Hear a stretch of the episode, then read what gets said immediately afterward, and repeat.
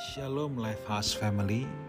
Roma 12 ayat yang kedua Nasihat Rasul Paulus kepada jemaat di kota Roma.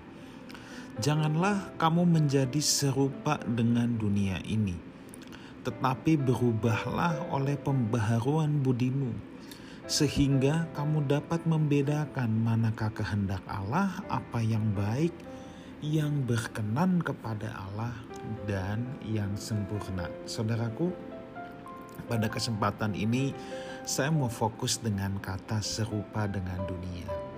Saudara, ada banyak orang yang sering menyalahartikan serupa dengan dunia. Ketika melihat orang pergi makan yang enak-enak, lalu dibilang itu serupa dengan dunia. Ketika lihat orang pergi jalan-jalan, dibilang serupa dengan dunia.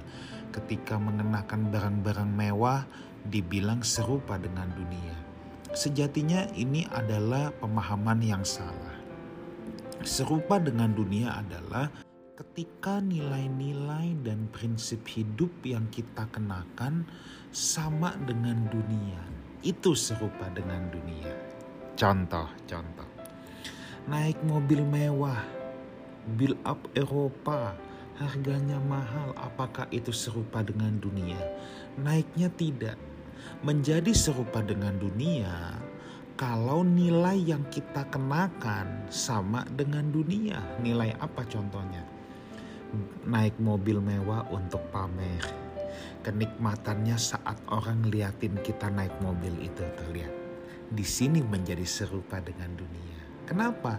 Sebab kita punya kebanggaan-kebanggaan yang sifatnya materi seperti itu. Itu nggak ada bedanya dengan orang dunia ketika kita memiliki kebanggaan-kebanggaan, menggantungkan harga diri ya di hal-hal seperti itu, itu menjadi serupa dengan dunia.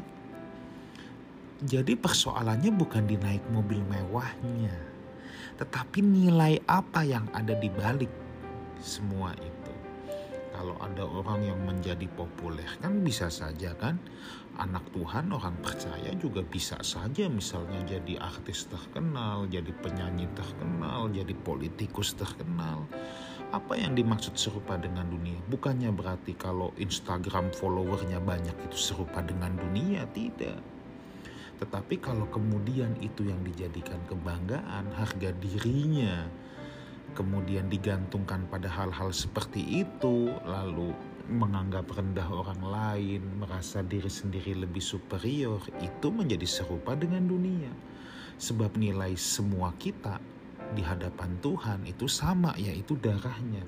Nilai kita di hadapan Tuhan bukan soal berapa banyak follower di sosial media yang kita punya Nilai kita di hadapan Tuhan bukan berapa banyak like, komen di sosial media yang kita punya. Nilai kita di hadapan Tuhan juga bukan seberapa banyak harta benda yang kita punya, seberapa banyak fasilitas, gelar yang kita punya, bukan itu. Nilai semua kita di hadapan Tuhan adalah darah Kristus. Kalau orang dunia menilai sesamanya dengan embel-embel itu, maka orang percaya harusnya menilai semua orang dengan nilai yang sama yaitu umat tebusan darah Kristus. Jadi di sinilah kita harus memahami bahwa kita harus punya nilai-nilai standar kerajaan Allah. Apa yang Alkitab katakan.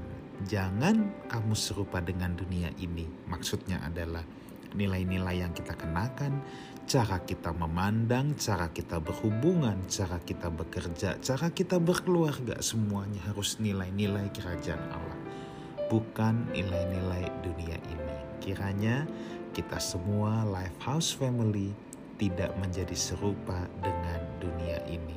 Aktivitas kita bisa sama dengan orang pada umumnya, luarnya kita sama, tetapi nilai-nilai yang kita pegang harus berbeda. Tuhan Yesus menyertai kita semua. Haleluya.